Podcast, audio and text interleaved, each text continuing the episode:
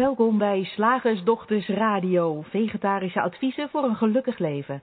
Linda Spaanbroek en Angela Mastwijk geven je een kijkje achter de toonbank van de menselijke ervaring. Hoe werkt het daar nu echt? Wij maken gehakt van ingewikkelde concepten en fileren met liefde ook jouw leven. Dat alles onder het motto geluk. Mag het een onsje meer zijn? Goedenavond luisteraars, ik ben Linda en met mij aan de andere kant van de lijn, vanuit een hopelijk veel warmer Portugal dan het hier in Nederland vandaag was. Uh, Angela, goedenavond Angela. Hi Linda. Het is dramatisch, het weer vandaag. Ik bedoel, ik weet oh, ja? dat het maar een gedachte is, maar het was dramatisch. hey, vandaag, um, vandaag gaan wij het hebben over uh, het thema het spel of de knikkers. En... Um, en dat wordt een uitzending waarin we gaan kijken naar, naar, eigenlijk naar je motivatie om te doen wat je doet. Te laten wat je eigenlijk zou willen doen en ondertussen te verlangen naar iets dat buiten bereik lijkt te zijn. Nou, heb je een vraag over dit onderwerp of een ander onderwerp? Wil je iets inbrengen? Uh, maakt niet uit waarover, maar zolang je maar ons perspectief daarop uh, wilt, dan kun je je vraag live stellen via het Q&A-vak lager op de pagina waar je nu kijkt. En je, of luistert, en je luistert voor het eerst vanaf onze Shift Academy website. Um, maar ook daar Wee! weer het, ook daar weer het vraag- en antwoordvak. En luister je naar de podcast, dan ben je uiteraard welkom om je vragen aan ons uh, toe te sturen via radio.shiftacademy.nl. En Academy schrijf je op zijn Engels. Hey, en dan uh, gaan wij het uh, nu eens hebben over het spel of de knikkers, Angela. Ja, leuk. Heb jij vroeger geknikkerd? Ja, ik heb geknikkerd, ja. Ik was er ook uh, best wel tactisch in. Als ik het oh, kijk. eerlijk mag zijn. Ja, ja. Ik ging wel heel erg voor de, voor de knikkers, moet ik je zeggen. het zat er bij jou al vroeg in. het zat er bij mij al vroeg in, ja. ja, leuk is dat. Toen en jij? dit onderwerp... Ja, nee, ik heb dus helemaal niet geknikkerd. Dus ik, ik kan er Hmm. helaas uh, in nee. dat uh, opzicht niet over meekletsen. Maar wat wel in me opkwam toen wij dit onderwerp bedachten... was een, een beeld van mijn kinderen van vroeger ze zijn inmiddels volwassen. Maar toen ze, toen ze nog klein en schattig waren, toen gingen ze sporten. Nou, de, de, de een ging um, in eerste instantie op hockey en die ander ging op waterpolo. En um, wat mij heel erg opviel is zittend op die tribune. Ten eerste hoe die ouders dus uh, zich helemaal inleven in het spel. En dat vond ik dan ook nog wel, wel grappig om te zien. Ik heb niet zoveel met, uh, uh, met, met, met teamsporten of balsporten. Dus ik, ik, nou, ik, ik kon me daar niet zo in, in inleven. Maar wat zo ontzettend opviel is dat mijn kinderen een afwijking hadden, allebei. Oh ja? Ja, die hadden echt allebei een afwijking. En, en dat zat hem niet in het, in het spel zelf, daar hadden ze best plezier in. Maar allebei kon het ze dus helemaal niks schelen of ze wonnen of verloren. Intrigerend oh, om ja. te zien. Ja. En het leverde ze enorm veel. Ja, nou wat leuk. Het leverde ze enorm veel weerstand op van hun teamgenoten. En soms ook van uh, de coach spelende ouders. Die dachten dat ze daarom hun best niet deden. Omdat, ja, mijn oudste zoon kwam bijvoorbeeld uit het water bij waterpolo. Net zo vrolijk of, uh, wanneer ze gewonnen hadden als wanneer ze verloren hadden. En mijn jongste, uh, idem dito op het hockeyveld. Die speelde en tralala en die huppelde. En ze kwamen allebei zo na afloop van ijsje. Ja. en dat ja. maakte gewoon niet uit. En het werd hen hoogst kwalijk genomen. Want de conclusie die daaruit getrokken was, en dat is natuurlijk een interessante in verband met deze uitzending en het onderwerp. De conclusie die men trok is dat zij niet hun best deden omdat de uitslag hen niet zoveel interesseerde. En dat zag ik nou weer niet, want volgens mij zetten ze zich gewoon in. Ja, het is grappig dat je het van deze kant invliegt. Ik, ik, had, ik had er zelf niet op deze manier naar gekeken. Maar mijn dochter, daar herinner ik het me heel erg van. Die deed aan wedstrijdzwemmen. Dat kon ze heel erg goed. Ze vond het heel erg leuk om hard te zwemmen. Maar het interesseerde er helemaal niets of er iemand anders harder zwom dan zij. En uh, ja, grappig hè? Zij ja, wilde wel geweldig. graag hard. Maar iemand anders Ja. mocht best harder.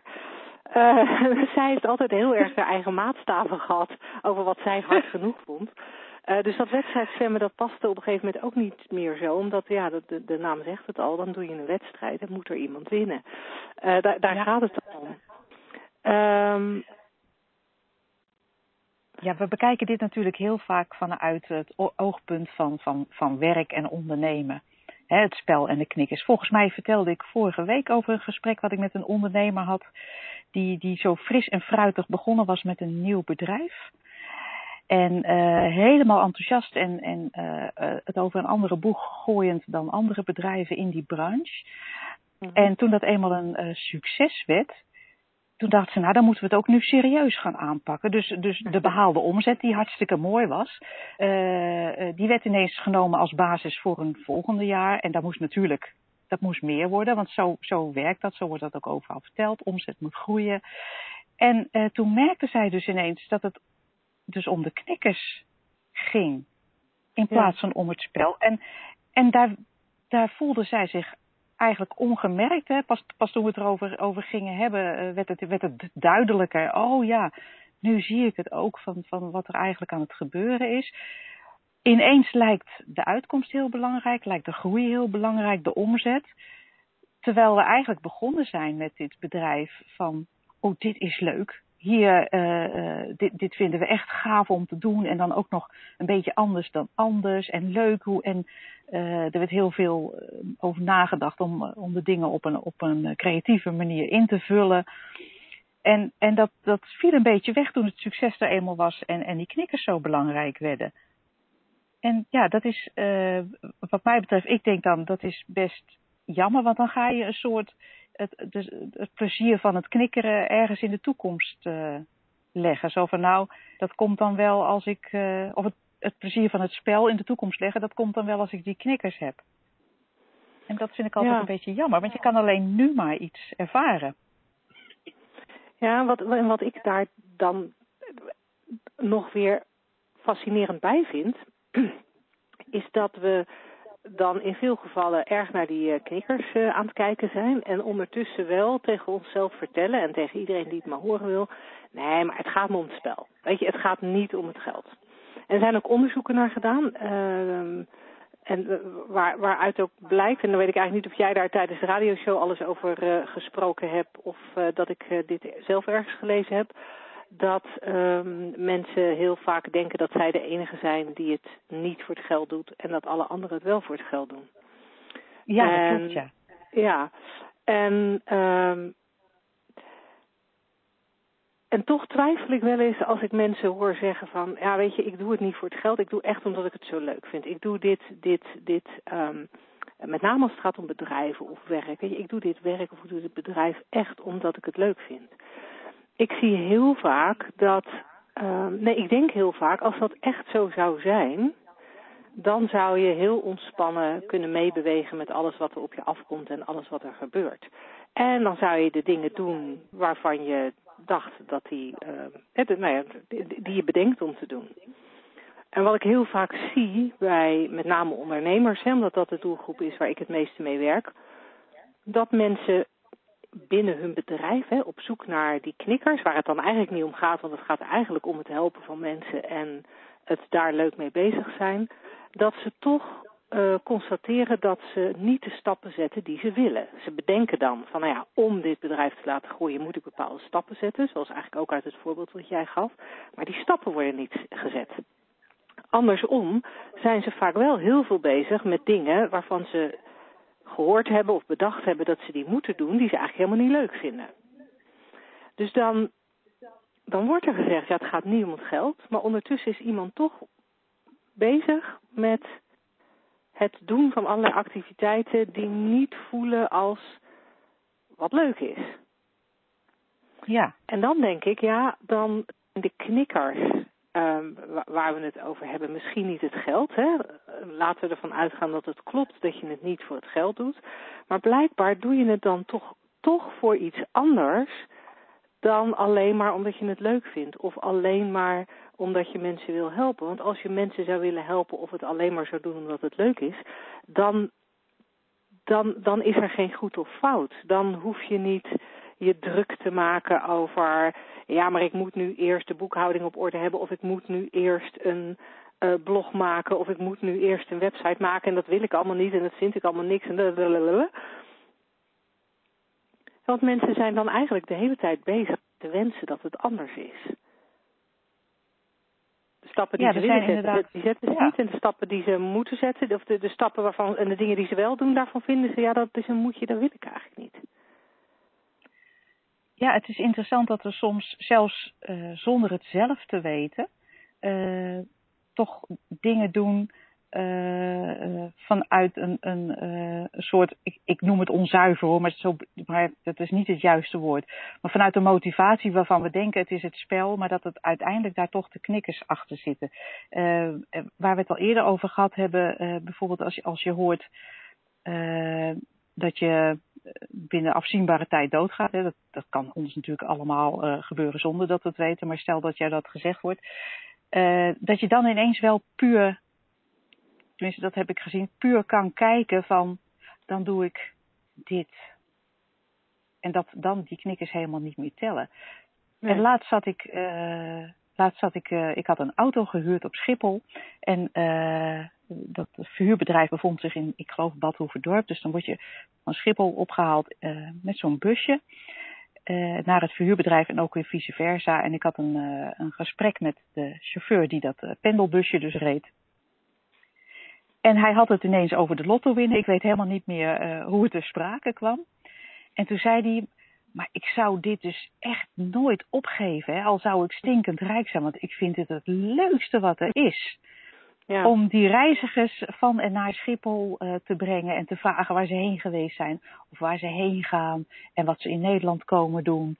Hij vond het echt het, het leukste wat er was. En hij kon zich ook, uh, uh, tenminste voor dat moment niet voorstellen dat hij ooit iets anders wilde. Dat kan natuurlijk veranderen. Hè? Een, een, een, mens die, ja, er komt wel eens wat in je op om iets anders te doen. inspiratie om, om, om te bewegen, ook al heb je het helemaal naar je zin. Maar ik vond het zo'n zo mooi voorbeeld van uh, een, een, baan waarvan misschien niet veel mensen zouden zeggen: het is mijn droombaan.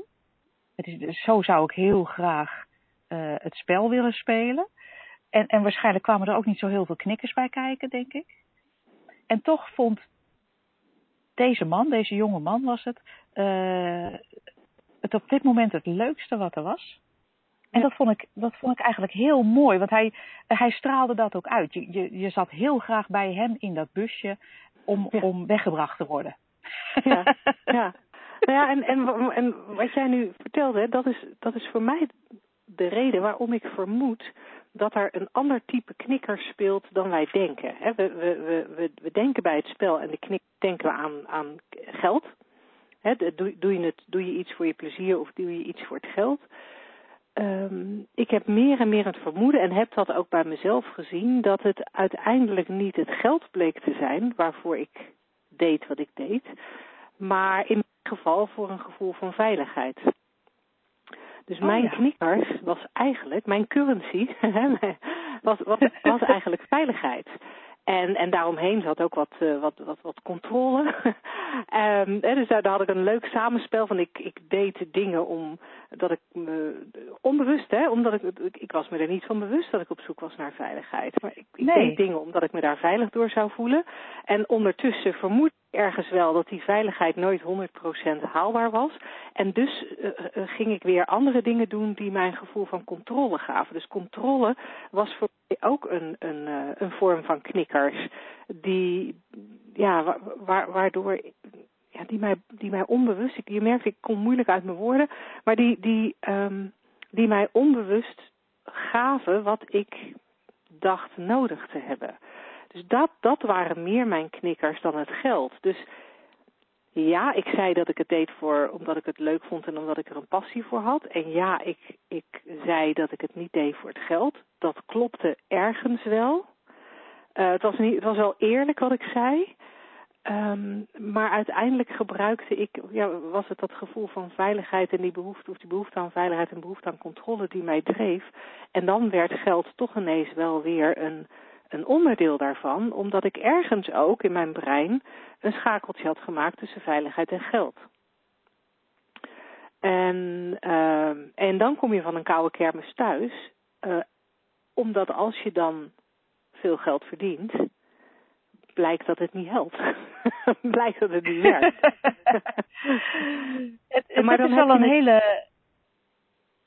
Een hele mooie aanvulling inderdaad. Van dat, dat die, dat die uh, knikkers niet altijd geld hoeven te zijn. Maar het kan ook zijn iets waarvan je denkt dat je het nodig hebt in een heel ander opzicht. Zoals bij jou die veiligheid. Ik denk ook gelijk aan uh, waardering. Dat is ook zoiets. Ja. Uh, ja. Of aanzien. je kan natuurlijk van alles bedenken wat we uit het spel denken te ja. halen of willen halen. Of dat nu bewust is of onbewust. Wel leuk, om, wel leuk om eens naar te kijken. En uh, dat er maar weinig mensen zijn die, die doen wat ze doen zonder uh, uh, een enkele andere motivatie dan, dan de intrinsieke motivatie. Wij kennen er allebei één, jouw zoon. Ja. Prachtig voorbeeld. Kan heel mooi gitaar spelen. En dat doet hij gewoon omdat hij dat doet. Ja.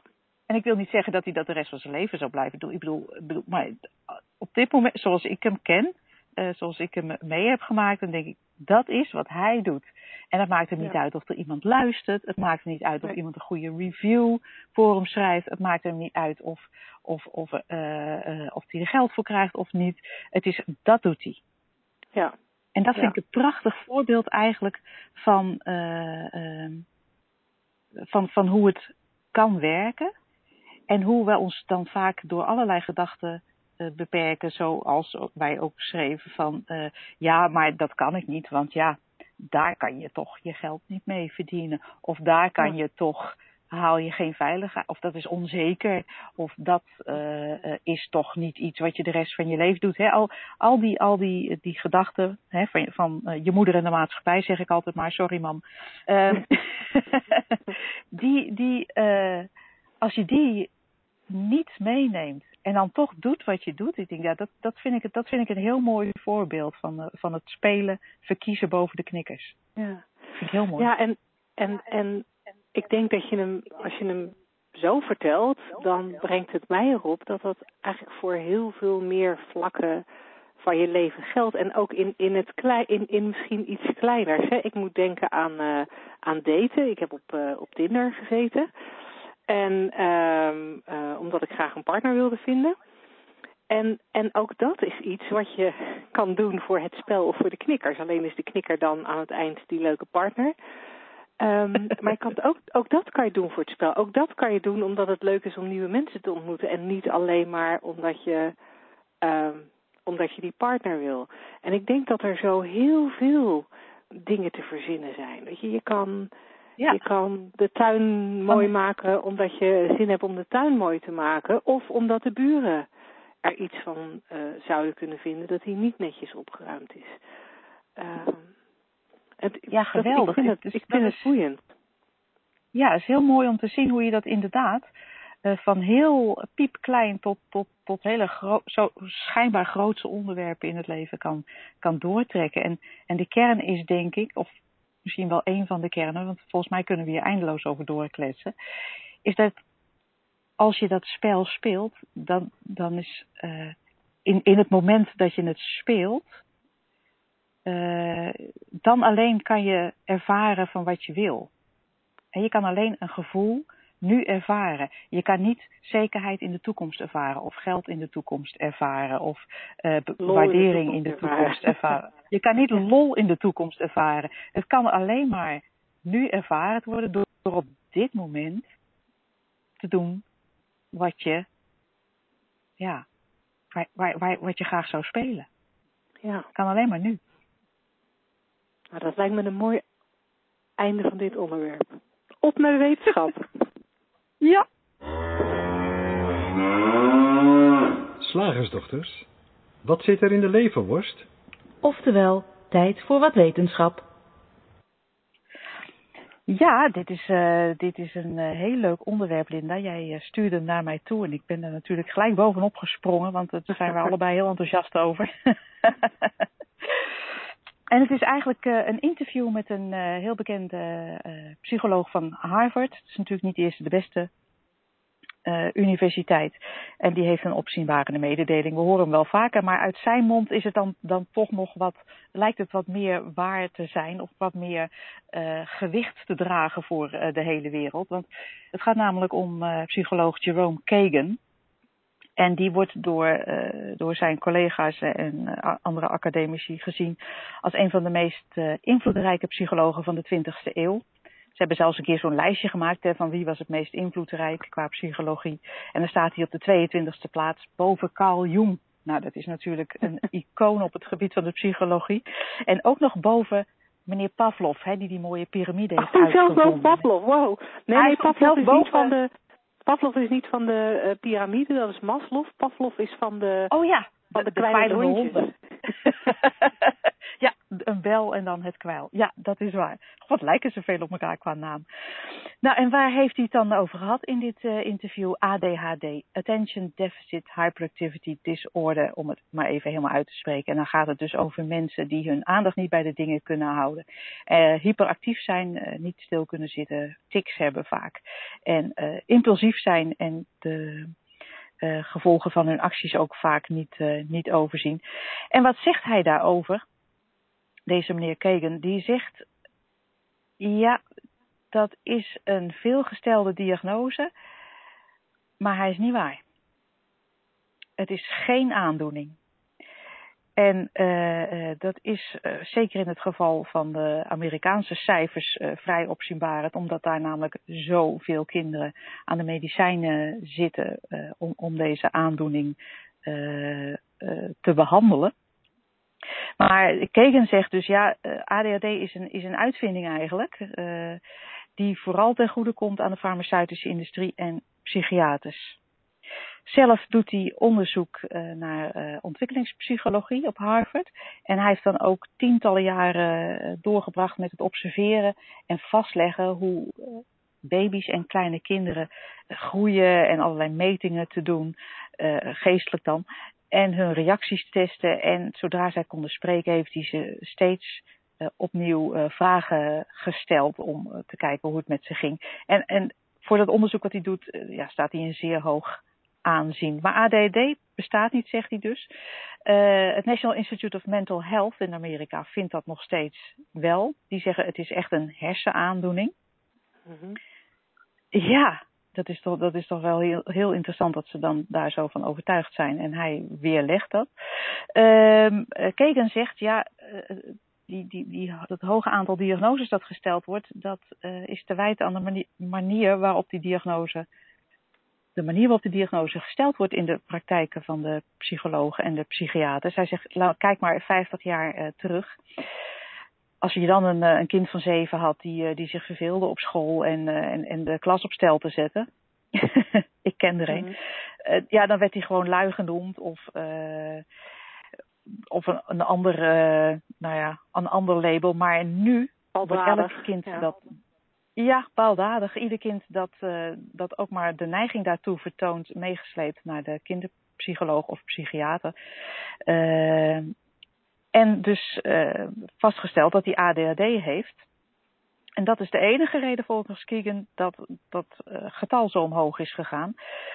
hij durft te stellen dat van de 5,5 miljoen kinderen in Amerika die de diagnose hebben, die het label hebben, dat daar 90 procent van volstrekt normaal is. En hij zegt dat ook uh, door metingen te kunnen staven. Hij zegt die hebben, die hebben geen abnormale dopa, dopamine niveaus in hun hersenen. En hij gaat nog verder hierin, en dat sluit heel mooi aan eigenlijk uh, bij wat wij in de Three Principles zeggen. Want uh, in dit interview met de Spiegel zegt hij, ja, we kunnen natuurlijk heel filosofisch worden en onszelf afvragen, wat is geestelijke, een geestelijke aandoening nu? He, wat, is nu ja. een, een geest, wat is nu geestesziek? Hij zegt, als je uh, kinderen en pubers uh, tussen de 12 en de 19 interviewt, dan zou je volgens de huidige maatstaven 40% kunnen categoriseren als, uh, als een angststoornis hebbend of, of depressief zijnd. Hij zegt maar, als je, als je even een beetje beter kijkt, dan zie je dat, dat er maar heel weinig zijn die daar echt heel erg door beperkt worden. En, uh, en hij zegt, het is, het is echt heel beschadigend, heel schadelijk eigenlijk, dat er zoveel kinderen, aan zoveel kinderen wordt verteld dat ze niet normaal zijn. Hij heeft namelijk zelf vroeger ook meegemaakt. Hij, hij stotterde en hij uh, was heel rusteloos in zijn jeugd. En zijn moeder helder mens volgens mij, die zei tegen hem: Joh, er is helemaal niks mis met je. Uh, ja, weet je, je hersens die werken wat sneller dan je tong en daarom stotter je zo. En toen dacht hij, zelf stelde hij vast: Oh, dat is mooi. Ik stotter gewoon omdat ik zo slim ben. Hij zegt maar, als ja. ik als ik nu had geleefd, was ik waarschijnlijk naar een, een psychiater gestuurd. Want ja, stotteren en, en rusteloos zijn, dat kan niet. En had ik waarschijnlijk ook uh, het, het, label geestesziek gekregen. Of in ieder geval een uh, ADHD of een andere, ander leuk label. Er zijn er zoveel tegenwoordig, ik kunt het niet meer bijhouden. Hè? Ja. En uh, hij heeft het niet alleen over ADHD trouwens in dit artikel hoor. Ook, ook depressie zegt hij, gaat het over hij kan heel goed vaststellen, kijkend in de geschiedenis, dat depressie onder jongeren is ontstaan in 1987. Want uh, toen was Hebben wij, zijn ja, wij net aan ontsnapt. ja, goed hè, toen waren wij net al uh, te oud om nog uh, tiener genoemd te worden, gelukkig. En hij zegt, toen was 1 in de 400 Amerikaanse tieners depressief volgens de normen. Vervolgens werd daar een, werden daar medicijnen voor ontwikkeld. En nu zijn we zover dat 1 op de 40 depressief is. En ook antidepressiva gebruikt. Dus dat is tien keer zoveel. Ongelooflijk. Hij zegt, ja. ja. hij zegt dat is dus dat is ook weer dus een, een veel te veel gebruikte diagnose, overbodig. En hij zegt, en eigenlijk de enige reden is dat er pillen voor zijn. En uh, ja, dus het is heel makkelijk voor een dokter. Het is eigenlijk uh, bevuilt hij hier zijn eigen nest een beetje. Hij ja. zegt het is heel makkelijk geworden voor een dokter als er zo'n zo'n zo'n kind of jongere op bezoek komt om te zeggen, joh, oh voel je, voel je ja, depressief? Nou, we hebben er gelukkig een pilletje voor en, uh, en het zo op te lossen, maar dus eigenlijk uh, het probleem alleen maar groter te worden. Hij geeft nog een voorbeeld, bipolair zijn. Uh, in Amerika schijnt het zo te zijn dat, dat kinderen met, uh, met woedeaanvallen. Hè. We kennen ze allemaal wel in de supermarkt liggend op de grond. Mm -hmm. ja. Om, uh, om M&M's of wat dan ook. Uh, dat die al worden gediagnosticeerd met bipolariteit. En hij zegt het, hij vergelijkt het zelfs al, tot slot met de 15e eeuw. Mm -hmm. Toen mensen begonnen te denken dat iemand bezeten kon zijn door de duivel of, of betoverd door een heks. En ja, we weten allemaal hoe dat toen werd uh, behandeld, hè, met uitdrijvingen. Ja. Ja, dat ja. werd ook geregeld. Hij zegt, nou ja, en de, de moderne variant daarop is alle farmaceutische uh, dingen die we daarvoor hebben ontwikkeld. Maar het mechanisme is, het, uh, is hetzelfde. Ja. ja fascinerend. En, en weet je wat, ik, wat ik mooi vind aan wat je vertelt, is dat hij um, uh, hij wijst naar de gezondheid in ieder mens. Ja, precies. En, en dat vind ik mooi. En we zijn, denk ik, in onze maatschappij heel erg geneigd geraakt om een soort, soort standaard te bedenken. En alles, elke vorm van gedrag wat, we, wat niet helemaal binnen onze standaard valt, daar nou ja, dat, dat, daar, daar, daar willen we iets mee, dat willen we kwijt. Um, en ik denk in combinatie met, met de tendens om veel te problematiseren, om je, om je veel zorgen te maken over van alles en nog wat. Weet je, als ouders ook, ook geneigd ben je veel zorgen te maken over je kind. En als dat dan van de andere kant gevoed wordt, omdat het kind inderdaad niet het gedrag vertoont waarvan men bedacht heeft dat het uh, uh, dat gedrag zou moeten hebben. Uh, dan kan je heel snel het zicht verliezen op de, op de gezondheid van je eigen kind. En wat, wat de, de moeder van deze psycholoog deed, een, uh, eigenlijk een positieve verklaring zoeken, die misschien ook niet waar was, maar die hem wel, die hem wel uh, sterkte en, en uh, waardoor hij zich goed bleef voelen. dat, dat vind ik wel heel mooi. Want ik denk dat als wij als nou, zeg maar ouders in zijn algemeenheid, leerkrachten in zijn algemeenheid, niet zo ontzettend vast zouden zitten aan vaste concepten over hoe het hoort en hoe het moet zijn, dat we veel meer de gezondheid van ons kind zouden kunnen zien. Uh, en niet zouden hoeven schrikken als een kind zich even wat langzamer ontwikkelt dan de rest van de klas. Of als een kind wat drukker is dan de juf fijn vindt. Ja. Ja. Ja, inderdaad. Het begint natuurlijk al op het consultatiebureau met, met allerlei fysieke normen en waarden en, en grafiekjes en standards. En ja.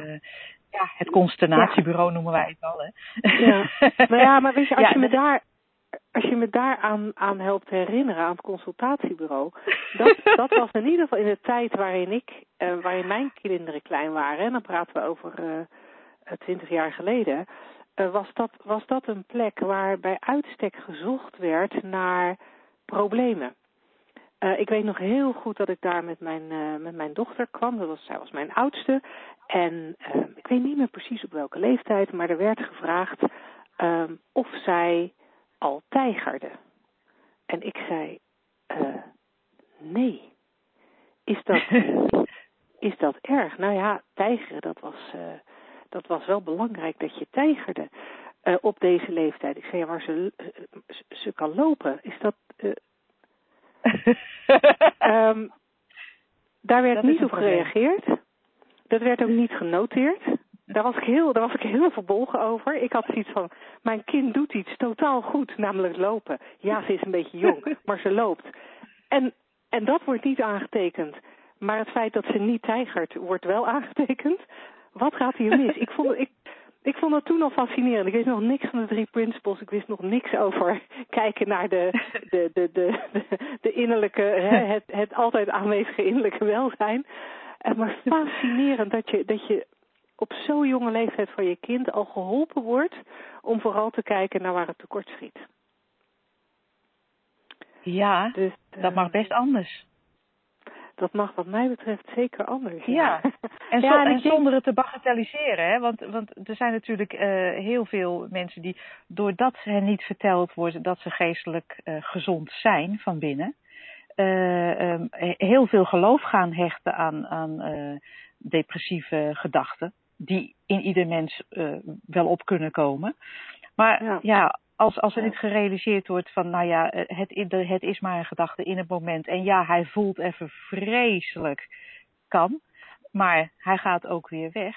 Uh, door alle aandacht op het, op het negatieve en op het problemen kan je als ouder, kan ik mij zo voorstellen, ook volledig in de stress schieten. Als je kind meldt, ik ben depressief, omdat het toevallig die dag wat depressieve gedachten heeft. En, en zo maken we met z'n allen van, uh, nou ik wil niet zeggen van een mug en olifant, maar in ieder geval iets van, uh, van wat in de kern niets is dan een gedachte.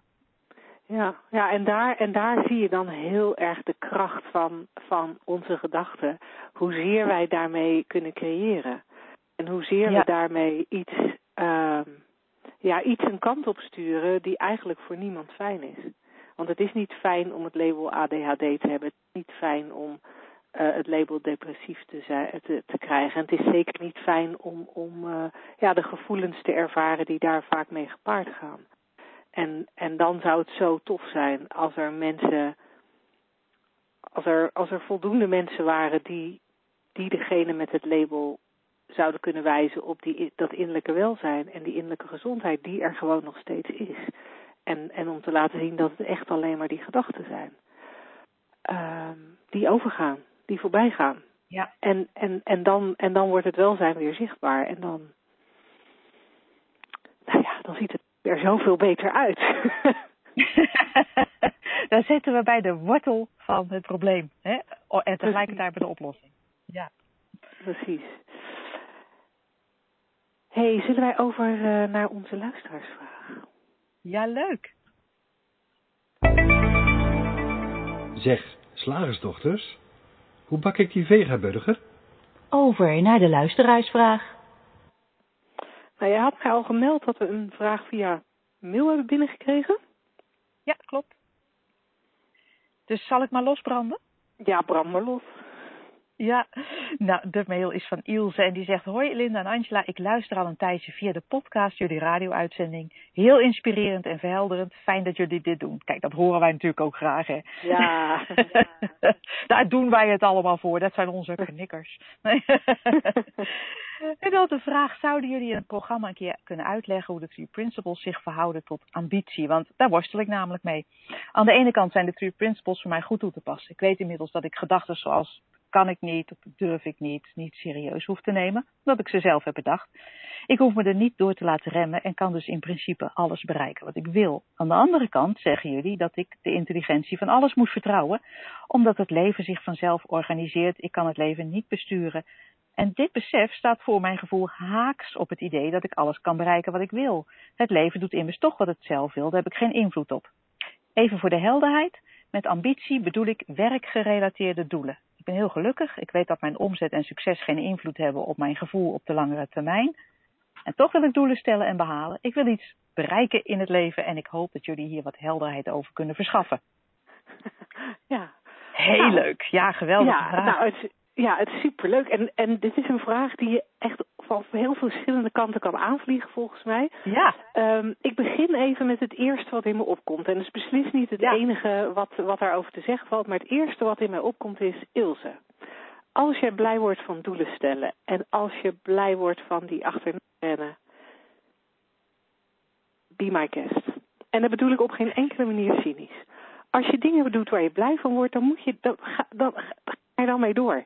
Het Sidney Banks, de, de grondlegger van de drie principes, dat, is ook altijd wat hij zei. Als je een goed gevoel hebt, nou, ja, weet je, dat, dat, is waar het om draait. Dat goede gevoel. En als je dat krijgt van doelen stellen en ze nastreven, helemaal prima. Eh, dus, er, er, dus er is niets in mij dat zegt, doelen stellen mag niet, of ambitie mag niet. Ik heb wel vanuit mijn eigen ervaring wat kanttekeningen bij doelen stellen en bij ambitie. En een van de dingen die ik steeds, ja, je, je gooit nu een kantje in me en ik, ik heb zin om er voor 100 euro aan informatie uit te storten. Kom maar dit is op. wel echt, dit is wel echt, echt helemaal, ehm, eh, helemaal wat ik leuk vind en waar ik ook eh, veel naar gekeken heb eh, voor mezelf en voor mijn klanten. Ehm, ik heb bij mezelf gemerkt dat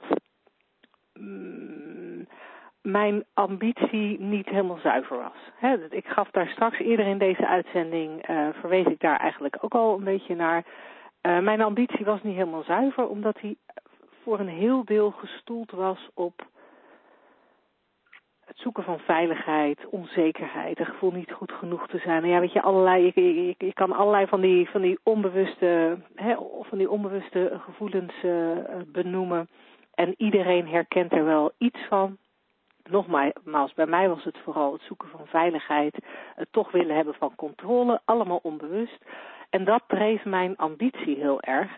En, en wat er bij mij gebeurde, was dat ik vanuit die drive ehm, nou ja, ging, ging streven. Ik was aan het streven in plaats van aan het leven. En daar, daar zit wat mij betreft een, eh, een valkuil. Op het moment dat een doel een heilig moeten wordt, op het moment dat een doel je gaat beklemmen of je stress gaat opleveren, omdat het doel ook binnen een bepaalde tijd bereikt moet worden, eh, dan zit je wat mij betreft op glad ijs. Een ander facet wat voor mij helder geworden is, was, is, is het feit dat eh, ik met mijn persoonlijke gedachten, met mijn persoonlijke mind, niet werkelijk kan overzien wat er allemaal voor mij in petto is. Wat er allemaal voor mij mogelijk is en, en nou ja, wat zeg maar de, de bedoeling van mijn leven is, als er al een bedoeling is in het leven. En met mijn persoonlijke mind heb ik maar een beperkte blik op dat wat ik kan zien. En, en wordt mijn persoonlijke blik ook nog eens zwaar gekleurd door al die persoonlijke gedachten van onveiligheid, veiligheid, hè, weet je, al die onbewuste dingen uh, die ons uh, vaak drijven. En ik ben daardoor meer achterover gaan hangen en meer nieuwsgierig geworden naar, oké, wat is er, wat, wat, wat, wat, wat zou er mogelijk voor mij zijn? Dus als, als ik het doel niet tel, als ik het grote, het grote gevaarlijke doel, weet ik heb lang een coach gehad die zei, ja, je had, je had een big, hairy, audacious, audacious goal nodig. Het moest vooral spannend zijn en eng, en dan, want dan zou je groeien en dan zou je ontwikkelen. Mij leverde dat uh, eigenlijk onder de oppervlakte best wel veel stress op, omdat het haak stond op die veiligheid die ik zocht. Dus voor mij was dat absoluut niet, niet fijn. En ik, ik, ik, ik weet ook niet of ik daar nou beter door geworden ben. Dus, door, dus, dus ik kijk er tegenwoordig steeds meer tegenaan van hé, hey, hoe cool is het om te beseffen dat ik het grote plaatje niet overzie. En dat ik dus eigenlijk helemaal niet weet wat het beste voor mij is. Um, dat geeft een hoop rust. Betekent niet dat ik niks doe. Hè? Want je hebt mij het afgelopen jaar ook een boek zien uitbrengen. Wat, ja, wat, je, eh, wat je ambitie zou kunnen noemen. Het voelde voor mij niet als ambitie. Maar, en wat je een doel zou kunnen noemen. Um, voelde voor mij ook min, het voelde voor mij ook niet zo vreselijk als een doel. Het was, dat, dat boek is voor mij echt ontstaan van. Ja, dat, dat, dat waren stappen die logisch waren. En toen was er een boek. En, uh, en tuurlijk was er een moment dat er een deadline was en dat ik ging zitten en dat ik wel tussen aanhalingstekens moest gaan zitten. Want ja, die deadline wilde ik dan wel graag halen. Zelf bedacht door mij dat dat gehaald moest worden. Um, en maar tuurlijk, tuurlijk gebeurt dat wel. Um, ja, dus wat wil ik ermee zeggen? Dat, dat, dat op het moment dat je ambitie laat voor wat het is en meer dingen doet die je fijn vindt, uh, dan bereik je nog steeds dingen. Maar ja, ik, ik weet niet het dan nog ambitie is. Uh, dus ik loop een beetje gaan we meer weer die kant op van gewoon ja, gewoon van die intrinsieke motivatie dat je in het moment doet wat je in dat moment fijn vindt, waartoe je geïnspireerd bent, wetend ja. dat het resultaat jou nooit, iets, nooit een gevoel op kan leveren, omdat je ja, altijd alleen maar je denken voelt. Hè? Want jij hebt natuurlijk ja. ook op het podium gestaan met die ondernemers award. En ja, dat was hartstikke leuk, maar je realiseerde je ook, dat kan niet bij jou naar binnen kruipen en daar een gevoel uh, van veiligheid nee, veroorzaken nee. of een ander gevoel waar je dan naar streeft. En ja. En wat, wat mij opviel aan deze vraag is, uh, die gedachten, dat kan ik niet, dat durf ik niet, hoef, uh, hoef ik niet serieus te nemen. Nee, dat klopt. Dat heb je helemaal zelf bedacht. Dat is nooit waar. En daarna zegt Ilse, ik hoef me er niet door te laten remmen en kan dus in principe alles bereiken wat ik wil. En dan denk ik, ja, je hoeft je inderdaad nooit te laten remmen door wat je dan ook denkt, maar alles bereiken wat je wil, daar heb ik een uh, bezwaar tegen. Vertel. nee, uh, in, in die zin van. Uh, daar, daar geloof ik gewoon niet, niet in. Je kan natuurlijk wel heel hard werken en alles bereiken wat je wil, maar volgens mij is dat. Uh, is het, het, is het, het is gewoon niet waar. Als ik invalide ben, kan ik, kan ik niet de 100 meter in 5 seconden rennen. En ik snap dat dit alleen oh, om. Uh, ik, ik snap dat dit om uh, werkgerelateerde doelen gaat. Maar, maar toch moeten we dit, denk ik, uh, breder trekken. Want bereiken wat je wil, dat, dat, dat gaat over eigenlijk je leven sturen hè, richting dat doel. En, en controleren, want dat doel dat moet gehaald worden. En dan moet het verlopen zoals jij bedacht had, of misschien via een omweggetje die je niet bedacht had. Maar dat, dat doel, dat is, voor mij is dat eigenlijk hetzelfde als dat je denkt van nou, ik weet precies hoe een uh, conceptie gaat, hè, met zo'n eitje en zo'n zaadje. Mm-hmm. Dus uh, uh, het resultaat daarvan is een kind. dat is mijn doel. En ja, ik hoef daar geen enkele gedachte over te geloven, dus dat, dat kan ik dat kan ik bereiken. En ik snap dat dit niet werkgerelateerd is, dus misschien valt het ook helemaal buiten Ilses uh, uh, uh, kaders. En dat maakt verder niet uit, maar ik wil het toch even noemen. En dan denk ik, nee, want ergens in dat proces gebeurt er toch iets wat ongrijpbaar is. Waar de intelligentie van het leven, van de intelligentie van alles zich mee moet bemoeien. Ergens in dat, in dat proces vindt er een wonder plaats en soms vindt dat gewoon niet plaats.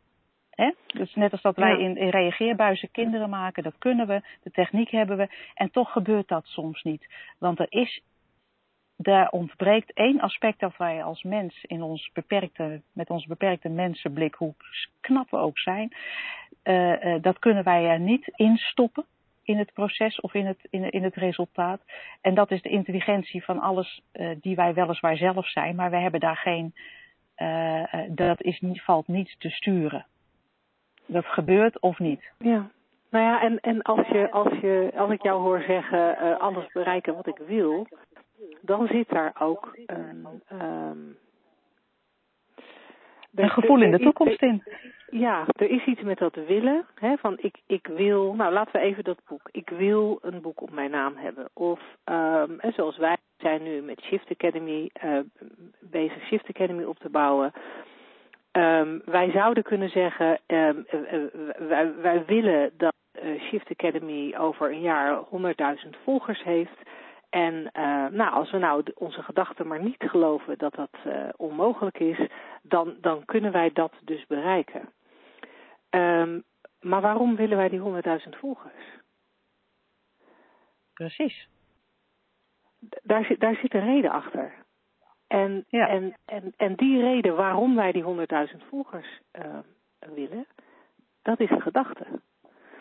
En, en het, het, het willen aan zich, het, het, het, het, um, ik wil dat boek geschreven hebben, of ik wil die training gegeven hebben, uh, dat gaat er ook weer van uit dat, dat jij bepaalt en jij weet wat het leven voor je in petto heeft.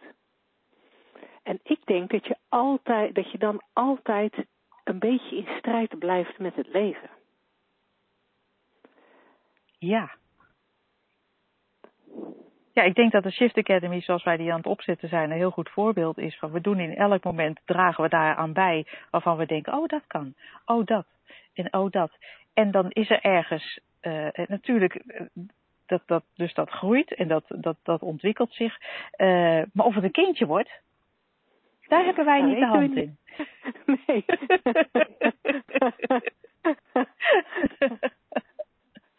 nee, geen en, idee. En, weet je, en dat is ook, nee, en dat is ook nu, laat ik voor mezelf spreken, dat is ook niet uh, belangrijk.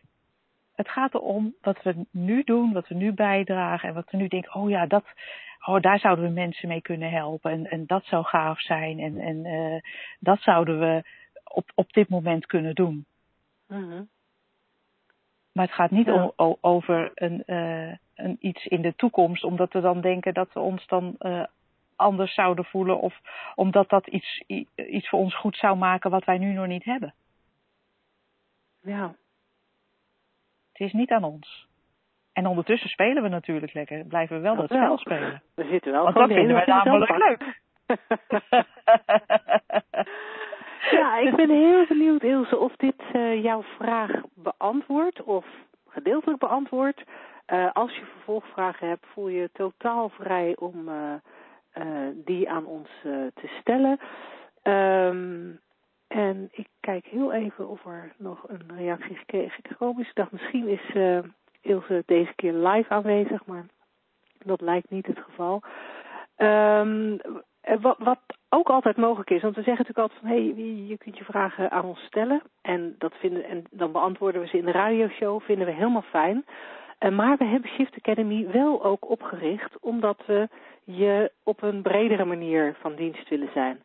We bieden met Shift Academy ook coaching en training aan om, om meer te leren over de inhouden die wij hier met je delen en ook meer ja, zeg maar specifiek toegepast op jouw eigen situatie, zodat jij daar ook uh, misschien wel sneller, toch even sneller, de vruchten, de vruchten van kunt, uh, kunt plukken. Dus hou dat ook in gedachten als, uh, als jij jezelf merkt van hé, hey, ik zou eigenlijk wel meer stappen willen zetten. Ik zou eigenlijk wel de, de, de persoonlijke input van Angela en Linda daarbij willen. Dat kan.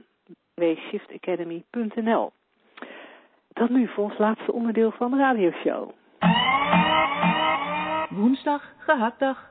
Zeg slagersdochters, welk concept gaat er vandaag door de molen? Angela, ja. het leven het leven ingewikkeld in elkaar. Heel ingewikkeld. Ja, ja, dat is een leuke. Hè? Ik, uh, ik, ik ken iemand die dat vroeger heel veel zei. Uh, ingewikkeld. Uh, ja. Bij alles en, en, en, uh, en uh, bij alles wat zich voordeed was het, was het ingewikkeld. En ik sprak met haar op het moment dat er een beslissing moest worden genomen. Het is een verhaal wat zomaar in me opkomt hoor, omdat het hierover gaat. ja, hij is ook niet met mij te maken. Nee. Nee, echt niet. Oh, dat je het over mij. Nee, echt niet. Nee, nee, echt niet. En, en uh, er moest op dat moment een beslissing komen over, ik geloof dat het ging over haar kinderen, of die wel of niet op het kinderdagverblijf zouden, of de naschoolse opvang zouden blijven. Naschoolse opvang was het. Dit heeft echt niks met jou te maken. Er zijn meer mensen die, die zeggen dat het leven ingewikkeld is. Of zeiden dat het leven ingewikkeld is. en, uh, en dus ik zat daarnaar te luisteren. En er kwamen uh, voors en tegens in eindeloze hoeveelheden. En er moest voor iedereen ook gedacht worden wat het voor dit kind zou betekenen en wat het voor het andere kind zou betekenen en wat het voor gevolg zou hebben, waarom het beter zou zijn, maar waarom het ook uh, ze niet van de naschoolse opvang te halen beter zou zijn. Of, dus het werd een eindeloze voors en tegens. En zij besloot het verhaal met, ja, het is, het is gewoon heel ingewikkeld. Ja. En toen dacht ik, ja, dat zou ik ook vinden als ik zoveel gedachten had over het welzijn van alles en iedereen. En begrijpelijk hoor, want we willen natuurlijk rekening houden met het, met het welzijn van onze kinderen. En dan alleen trappen we dan in de valkuil dat wij dingen kunnen voorspellen en dat wij kunnen weten wat goed voor ze is. Maar dat even terzijde. Allemaal overbodige gedachten. Maar ik, ik, ik zei toen ook, de ingewikkeldheid zit niet in de situatie. Het zit gewoon in hoe jij, uh, hoe jij de dingen bedenkt. Ja. In jouw eindeloos creatieve brein, wat haar ontzettend hielp in haar werk overigens. Alleen in dat soort situaties was het uh, uh, onnodig, een onnodig complicerende factor. Om, om eindeloos vooruit te kunnen denken. En eindeloos voor iedereen te kunnen denken. En te denken dat je weet wat voor implicaties het heeft. de actie die je onderneemt. En, en uiteindelijk kwamen we er soort op van. Je kan net zo goed een, een, een, een muntje opgooien. Ja. En dan zeggen, nou, kop is ze gaan er vanaf en muntje is ze blijven. Ja. Want je, je kan namelijk toch niks voorspellen. En voor allebei had, ze, had, ze, had haar hoofd even goede uh, redenen. Dus, dus ja, en dan komen we natuurlijk ook weer bij hoe maak je beslissingen. Ja, of simpel. Of je maakt het heel ingewikkeld door te geloven wat je allemaal denkt. Ja. Maar jij was dus vroeger ook ingewikkeld. Oh ja, ja zoals ik nu het woordje uh, fascinerend en uh, intrigerend heb, had ik vroeger het woordje ja. ingewikkeld. Um, en, en, en soms val ik daar nog wel eens in terug. Weet je, vroeger vond ik dingen, ja, gebruikte ik dat woord heel veel, omdat ik inderdaad van alles de voor's en de tegens zag. En, uh, en, en ook wel vond dat ik dat wel overwogen uh, ja, moest afwegen. Um, zodat ja. uiteindelijk de goede beslissing eruit kwam. Of het goede oordeel of de goede mening. Weet je, want ik, ik, ik, uh, ik had ook een soort, ik had ook een idee dat je wel overal een mening over moest hebben. Dat je gewoon kon zeggen, ja, dat weet ik niet. Of daar vind ik niks van. Uh, dat, dat vond ik een zwaktebod blijkbaar. Ik zit even te interpreteren nu hoor, maar dat, dat deed ik niet graag.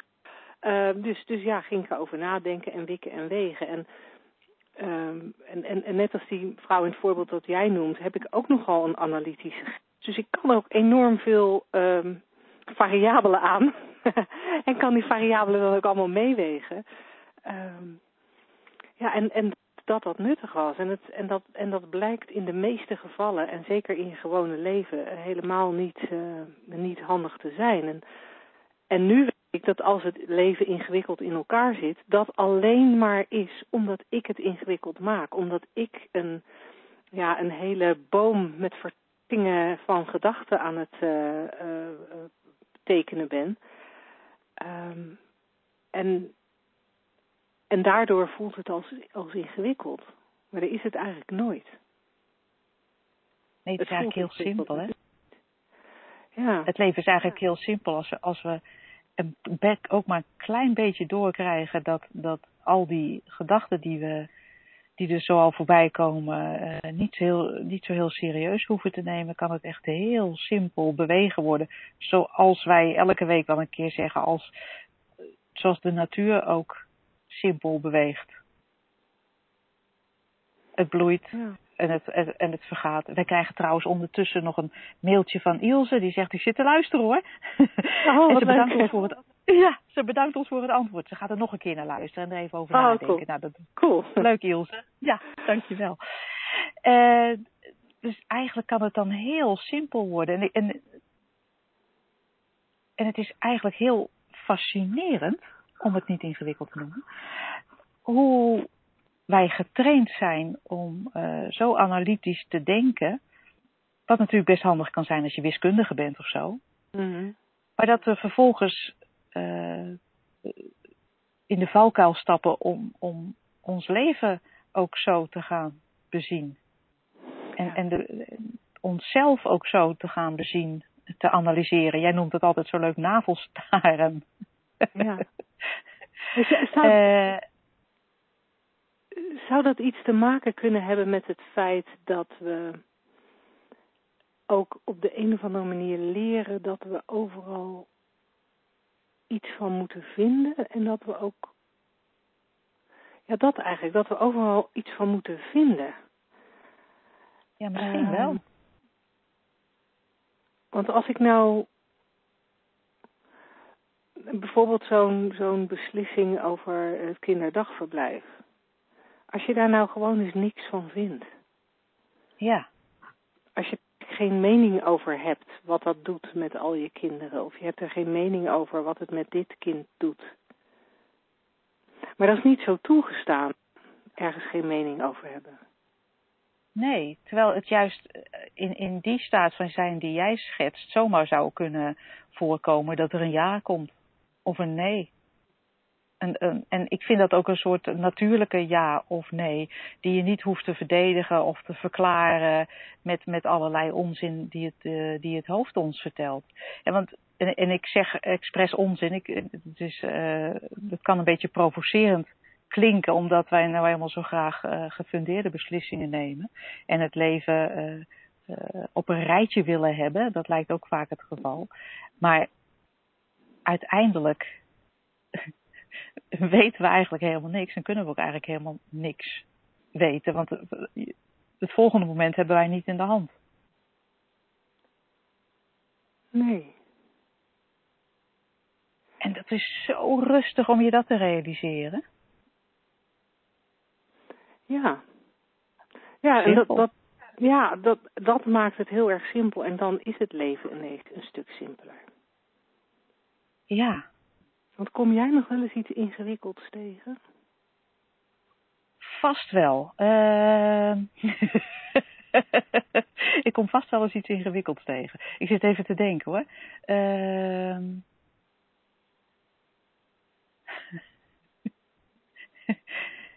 nou ja, ingewikkeld. Nou, ja, ik vraag het omdat weinig. Maar, maar als ik iets, als ik iets, me- als ik iets merk, dan ga ik het opschrijven en, dat, en dan, ga ik dat, eh, dan ga ik dat melden. want Ja, want het gebeurt mij vast ook. Ja, nou ja, wat ik, wat ik namelijk merk, dat ik dingen nog steeds ingewikkeld vind als iemand, ehm, of als iemand me allerlei vragen gaat stellen waar ik geen antwoorden op heb. En dan ga ik Ja. vragen bedenken en dan, dan kom ik in de knoei. En dan wordt Mhm. het heel ingewikkeld. Ehm, of als ik, wanneer is, wordt het, wanneer is het nog meer ingewikkeld? Ja, als iemand anders vragen gaat stellen. Of, of toch die, die keren dat ik zelf ineens iets, eh, iets heel erg geloof. Weet je, Ja. dat ik ineens heel erg geloof dat, eh, nou ja, dat, dat het belangrijk is dat Shift Academy binnen drie maanden een, een waanzinnig succes is of zo. Ehm, Ja. Dan kan het ineens nog wel eens ingewikkeld worden. Maar eigenlijk, eigenlijk bijna niet meer. Als ik gewoon zo'n beetje mijn eigen gang kan gaan. En gewoon zo me vrij voel om te roepen. Nou, dat weet ik niet. Of maar, dat daar heb ik geen mening over. ja, en dat lijkt ook een beetje verboden te zijn, hè? Geen mening hebben. Terwijl ik denk van, iedereen, iedereen doet alsof hij het weet met heel uitgebreide analyses. Ik zie, je ziet dat nu ook in de politiek een beetje, al lees ik geen kranten, er komt zo hier en daar eh, op social media nog wel wat, eh, wel wat voorbij. En ehm, dan moet je dus ja, beslissingen gaan nemen en een mening hebben. En het lijkt allemaal heel, erg uh, gebaseerd te zijn op iets. En ik kijk ernaar en ik denk, dit kan je dus echt niet weten. Nee, nee. Nee, en wat je dan gaat krijgen, ook nu uh, met, met alle politieke interesse die er op dit moment is, of alle politieke aandacht. Als je bijvoorbeeld kijkt naar een programma als De Wereld Draait Door. Daar wordt voortdurend um, gepraat over wat andere mensen hebben gezegd. En die hebben dat dan weer gezegd over iemand anders. Um, dus dus, dus we, we, we zijn dan een, mening aan het hebben over de mening van iemand anders die een mening geeft over weer iemand anders. En uiteindelijk zijn we dan aan het praten over de gedachteconstructies van andere mensen.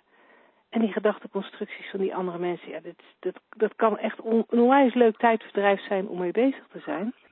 Nou, als je dat leuk vindt, als je daar blij van wordt, net als er straks het antwoord aan Ilse, weet je, als je er blij van wordt om doelen te stellen, vooral blijven doen. Als je er blij van wordt om uh, over de uh, gedachtenspinsels van andere mensen je eigen gedachtenspinsels te vormen, ga daar vooral mee door. Maar in de meeste gevallen krijgen mensen er niet echt een goed gevoel van. In de meeste gevallen zie je de gemoedstoestand van mensen dalen. Worden ze een beetje bozig, worden ze een beetje nukkig, worden ze een beetje ongerust, worden ze een beetje angstig. En dat is toch zonde. Ja, nergens voor nodig. Nergens hou het simpel. Ja, hou het simpel. Keep it simple, dat is de slogan van vanavond. Ja. Hey, ik stel voor dat we het um, hierbij houden voor vanavond. Uh, dankjewel aan alle live luisteraars. Dankjewel aan de podcast luisteraars die later naar ons luisteren. Um, vergeet niet dat je je vragen altijd aan ons kunt stellen via radio.shiftacademy.nl. En we spreken je heel graag volgende week. Zelfde tijd, zelfde plaats. Doeg! Tot dan!